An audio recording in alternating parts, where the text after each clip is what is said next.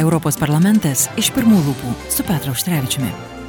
Laida parengta bendradarbiaujant su Europos parlamento frakcija Renew Europe. Atnaujinkime Europą.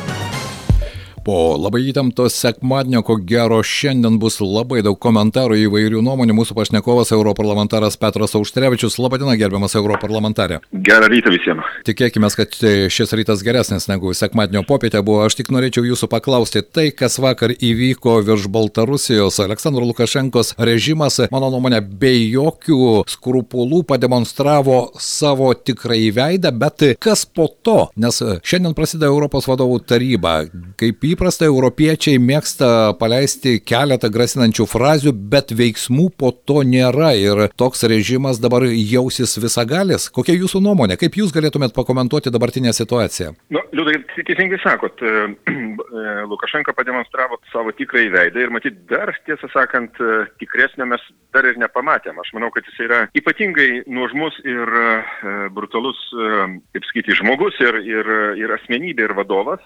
Slepiasi tik tai po gražiom frazėm ir panašiai. Bet e, aš labai abejoju, kad tai buvo e, vien tik tai jo iniciatyva. Aš manau, be, um, sakykime taip, Kremliaus vadovo pritarimo ir galbūt net dirigavimo, nes ir dabar kalbama, kad tie keturi išlipę Minskė ir net skrydė į Vilnių, Taip. tai buvo Rusijos e, piliečiai. piliečiai. O, Taip. o kur jie dirba, matyt, neturėtumėm abejoti. Tikrai ne tiekimo bazėje ar, ar kokiai ledų gamybos įmonėje, kaip jie mėgsta prisistatyti. Tai ko aš e, šiek tiek e, dėl ko nuogastauju. E, vadovų taryboje matyt bus ir pasmerkta, ir pareikalauta tyrimo. Tyrimas tai yra tarptautinė aviacijos institucija, kuri bandys viską išsiaiškinti ir panašiai. Ir kad tik tai va šitas procesas ir šita dalis neužtruktų. Nes per tai dings aktualumas, žinot, atsiras kitos aktualios pasaulyje ir, ir Europoje.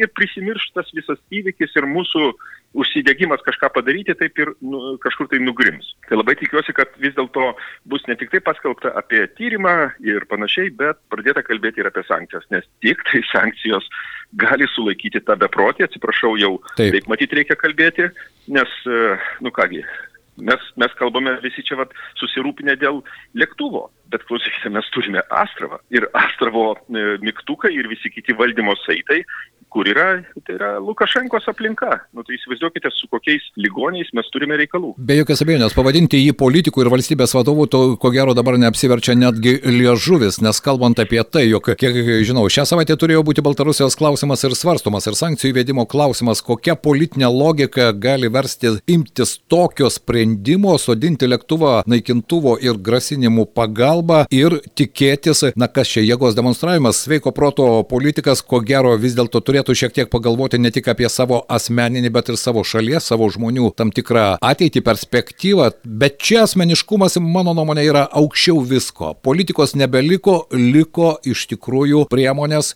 kuriamis galima ir išlaikyti tą savo beribę valdžią. Nes dabartinių įvykių pra, Baltarusijoje grandinėlė, tas nuožmus susidorojimas ir ko gero jie seka tomis pačiomis KGB pėdomis, kurias ne vieną kartą demonstravo ir mūsų rytų kaiminė teikdama įvairius teiginius, kad niekur jūs nuo mūsų nepasislėpsi. Tai va, būtent taip ir yra. Ir toks įspūdis, kad atvirai tariant, kitų priemonių jie net neįsivaizduoja.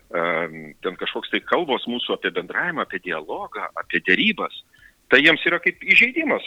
Nu, kas derasi? Derasi tik tai tas, kuris yra, kaip sakyti, silpnesnis. Taip. Ne? Jeigu tu turi valdžią, nu, tai kokios, čia, kokios gali būti dėrybos? Kaip sakyti, ginklų ar kita prie, prievartos priemonė, tu tiesiog priverti kitą pusę priimti savo, savo poziciją. Tai štai su, kokiais, e, su kokiam valstybėm, su kokiais režimais mes turime reikalų. Bet matot, kada padaromas toks žingsnis, jau kelio nėra. Ir matyt, suprantama tai ir Minske, ir Maskvoje. Ir atvirai tariant, e, yra labai neramu, e, kokią įtampą, kokią karinę įtampą jie gali pradėti čia kurti. Nuo provokacijų, nuo kokių kitų dalykų. Jiegi, žinot, e, kaip čia pasakyti, kariaut pasiruošę ir šiandien, ar ne? Taip. Pas juos yra tokia logika. Čia yra istorinė patarlių ir visokių kitokių padavimų dėka suformuota mąstysena ir jie tą bando išlaikyti, kad štai vakarai agresyvus nori mus čia okupuoti ir panašiai ir mes visom priemonėm turim atsilaikyti. Tai mane atvirai tariant gazina tas eskalavimas įtampos. Įtampos kelimas. Taip. Būtent taip.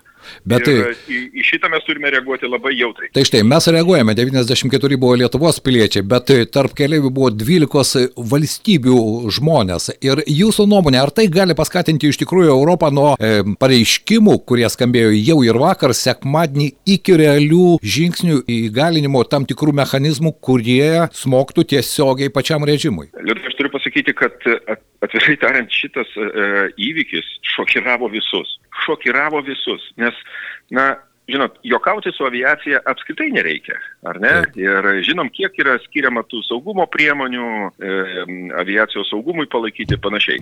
Ir kaip man teko šnekėti su kolegomis, kurie galbūt turi ilgesnį atmintį, daugiau patirties, niekas neprisimena, kad šaltojo karo metu būtų imtasi tokių dalykų, kad e, būtų e, grasinama ir, ir padaroma būtent taip, kaip padarė, reiškia, su Raineiro e, lėktuvu. Tai kitaip tariant, e, peržengtos visos ribos. Ir tie, kurie tikėjosi, kad, nu ką, jūs ore mes visi saugus, mes priklausomi tik tai nuo lėktuvo e, standartų ir nuo pilotų e, kompetencijos ir panašiai, o pasirodo, kad ne. Tai aš manau, kad va šitas va šokas vis dėlto jis e, privertė krūptelti netgi tuos, kurie, na, žinot, ne visada buvo apsisprendę, kad reikia imtis kažko, tai kad, nu, nu, režimas yra nežmoniškas, kad su juo reikia kitaip. Tai aš labai tikiuosi, kad pas juos, reiškia, e, tas mąstymas vis dėlto eina link to, dėl ko mes jau esame seniai padarę e, apsisprendimą. Su šituo režimu nėra ką čia kalbėtis, ta prasme, jį reikia statyti į vietą. Gerbiamas europarlamentarė, labai dažnai politikai naudoja terminą e, raudonosios ribos arba raudoni brūkšniai, bet jis vis stumiamas ir stumiamas. Ta riba kiekvieną kartą po vieno ar kitokio įvykio, po vieno ar kito nepasitenkinimo, na štai dar vieną raudoną ribą peržengia. Bet iš esmės tos ribos jau, mano nuomonė, yra visiškai peržengtos visom prasmėm. Netgi kalbant apie režimo elgesį su savo žmonėmis, su savo šalies piliečiais ir, žinoma, žvelgiant į tą tarptautinę teisės suvokimą, į tą, na, bendro pasaulio, bendro gyvenimo tvarkos suvokimą. Tos raudonos linijos, mano nuomonė, jos seniai peržengtos ir čia nėra ko tikėtis, kad vienas ar kitas pareiškimas gali kažką sustabdyti. Na, iš tikrųjų, e, visus šokiravo dar praeitų metų e, rūpiučio e, vaizdai ir toliau besirutuliojantis įvykiai. Bet reikia pripažinti, kad kuomet tu rodai tuos pačius vaizdus ir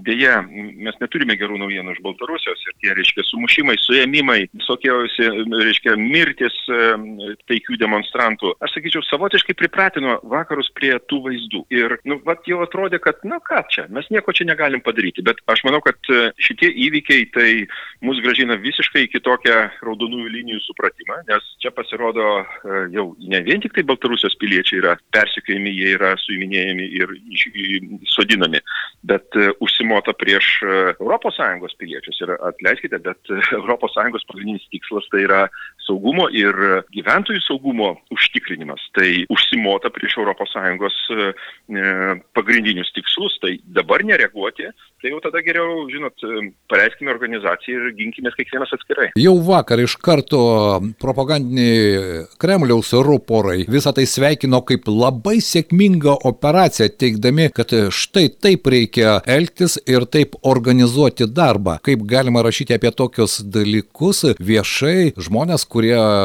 taip pat save vadina žiniasklaidos atstovai toje pačioje Rusijoje. Na, žinom, kokie, kokie žiniasklaidos atstovai yra gerbiami ir kurie e, remiami Kremlyje ir, ir Maskvoje. Tai nėra žiniasklaida, tai yra tiesiog e, valstybinė propaganda, kuriai suformuotas tikslas skleisti tam tikrą žinią. O aš manau, kad jie irgi labai e, apsišvietė va šitoj situacijoje. Ta Simonian ir visi kiti Taip. pareiškimai, na, jie, jie yra tikrai patetiški, jie jie visiškai, ta prasme, ne, kaip čia sakyti, jų negali e, pridėti šalia normal, normalaus žmonių bendravimo ir panašiai. Tai aš sakyčiau, vienu du, kitaip sakant, ir Lukašenka, ir Putinas yra e, vieno, vieno kamieno medžiai ir apie tai reikia kalbėti, nes e, žinomgi, Lukašenka neatsilaikytų nei dienos, matyt, be, be Putino paramos.